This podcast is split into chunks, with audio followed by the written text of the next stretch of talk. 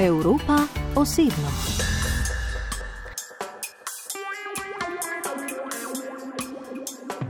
Mihael Knot je 54 let star oče štirih otrok, neodvisni novinar, pisatelj in aktivist na področju konoplje.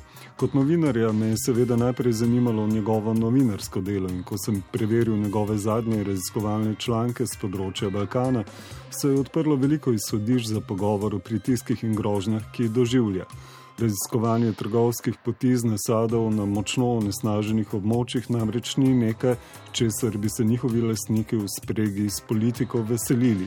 Ob začetnih pomislekih, ker ima več kot 45 tisoč naročnikov na YouTubu, so me njegove objave v resnih medijih prepričale, da ni tipičen vplivnež.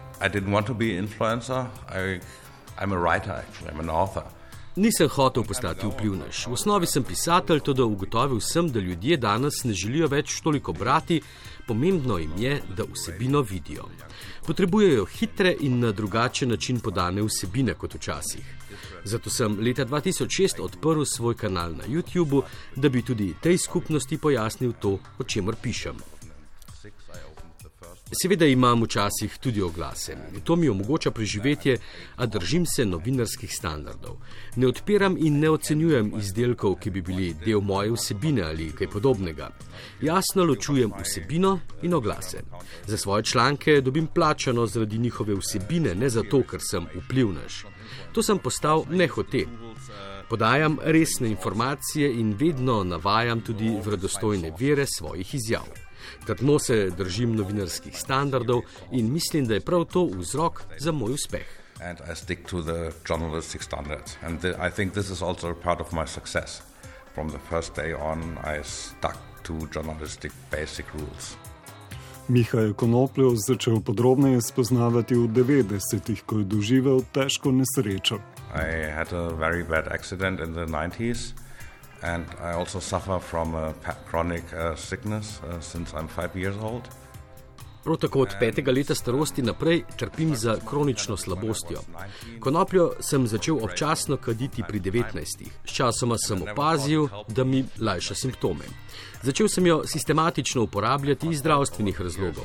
Tudi zaradi tega sem za tisti čas postal zločinec. Pomislil sem, da se to mora spremeniti, saj se nikoli nisem počutil kot kriminalec. Delal sem in vzgajal štiri otroke. Nisem hotel biti oče in hkrati zločinec. Nisem hotel skrivati pred otroki, nisem jim hotel lagati. Or if I don't lie to my children, they may endanger me, I endanger them. This is all not good. Ugotovil je, da njegove otroke v šoli o konoplji še vedno učijo na podlagi strahu in predsotkov. Kljub temu je, kot mu je povedala takrat 14 let stara hčerka, polovica razreda še vedno hodila med odmori na joint. Zato so na šolo pripeljali strokovnjaka, ki je delal z uporabniki konoplje v praksi. The children were taught about cannabis did not help, and the teacher saw it. It did not help. They did not stop consuming uh, after school, you know, or running out in the break. And, Način, na katerega so otroke preučili o konoplji, ni pomagal. Učitelj je to opazil. Otroci niso prenehali uporabljati konoplje po pouku, niso je prenehali vsak dan kaditi med odmori. Pristop, ki je temeljil na dejstvih, ne predsotkih, pa je prinesel posem drugačne rezultate. Vse več berlinskih šol je sledilo in namesto tradicionalnega prepovedovanja otroke začelo izobraževati, kako preprečiti nevarno uporabo konoplje. Otroke je treba naučiti, da ne bodo ogrožali svojega telesnega in mentalnega zdravja in škodovali sami sebi. Popolno prepovedovanje ni nikoli delovalo. Narediti nekaj za tako nelegalno in kaznovati ljudi ne pomaga. V zadnjih 50 letih prepovedi številke samo naraščajo. Nekaj je torej narobe. The numbers are rising since 50 years, so something is not going right.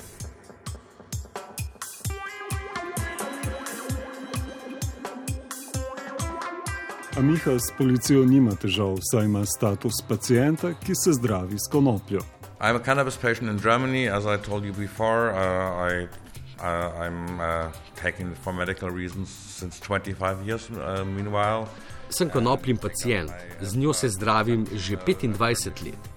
Uradno dovoljenje strani Nemške agencije za zdravila pa sem dobil leta 2014. Takrat je tako dovoljenje predstavljalo redko izjemo. Dobilo ga je samo nekaj sto bolnikov v celi Nemčiji. Predložiti sem moral veliko dokazil in opraviti vse preglede. Od leta 2017 pa lahko konopljo uradno dobim tudi v lekarni. Nemčija je edina država, v kateri lahko kronični bolniki, ki dokažejo, da resnično potrebujejo konopljo za zdravljenje, v lekarni brezplačno dobijo konopljo. V celoti jo krije zavarovanje, je del zdravstvenega sistema. Uh, that they can go to the doctor and have it reimbursed, they don't have to pay it. In Germany, It's medical and it's all medical cannabis is part of the medical system of, of the Federal Republic of Germany.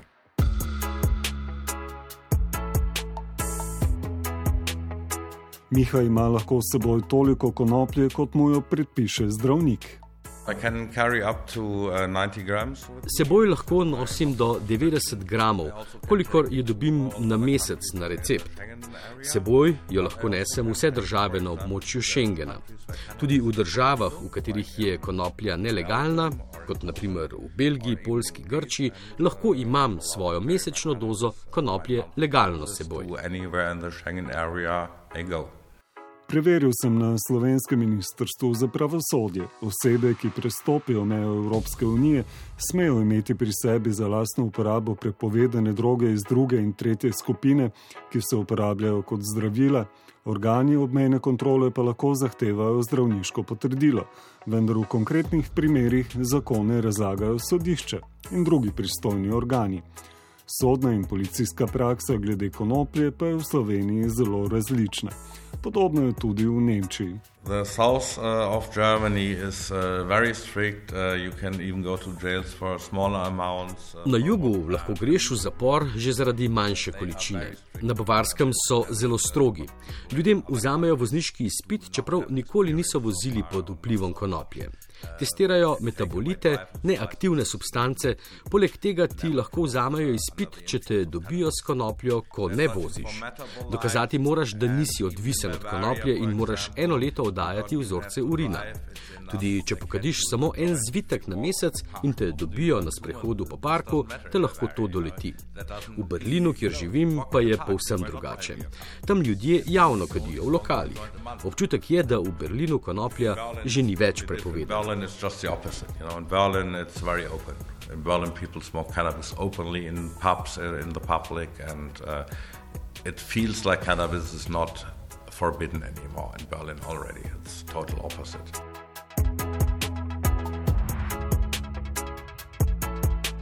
Malo zatem, ko so v Nemčiji uradno legalizirali uporabo konoplje v medicinske namene, je Miha sedel za mizo in pri sebi imel svoje zdravilo, ki ga je dobil v lekarni.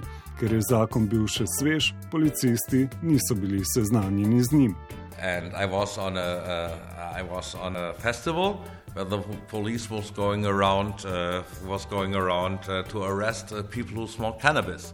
Bil sem na nekem festivalu, naokrog je hodila policija in iskala ljudi, ki kadijo konopljo. Vendar sem jo takrat že lahko uporabljal legalno. Nenadoma se je za mano znašel policist in me vprašal, kaj pa vendar počnem ali ne vidim, da iščejo ljudi, ki kadijo konopljo in da je to prepovedano. Povedal sem mu, da kot konopljen pacijent smem uporabljati konopljo. Odvrnil je, da ne smem. Pokazal sem mu dokumente in recepte. Ni poznal novega zakona, zato je naredil nekaj klicev in mi na koncu podal roko in mi rekel, da je vse v redu in da naj v miru še naprej kadim svojo pipo in imam prijeten večer.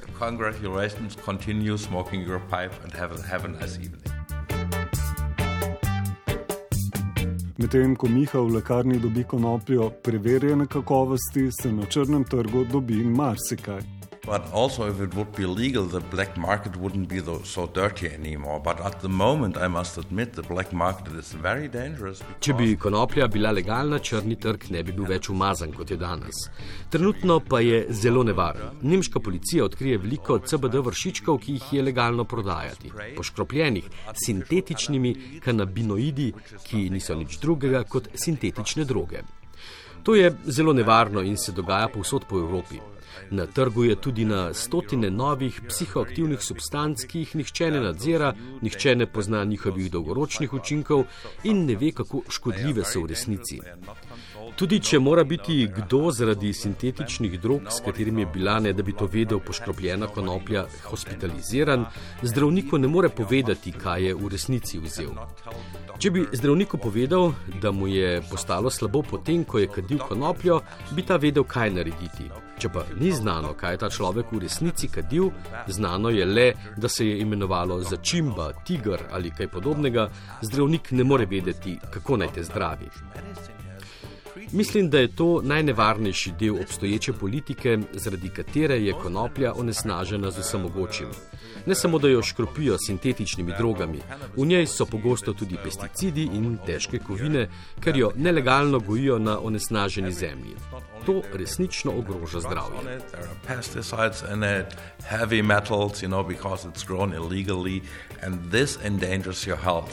Mihajl Knot ponosno pove, da je sodeloval tudi v dokumentarcu z naslovom Konoplja za vse, ki si ga je ogledalo že več kot 5 milijonov ljudi.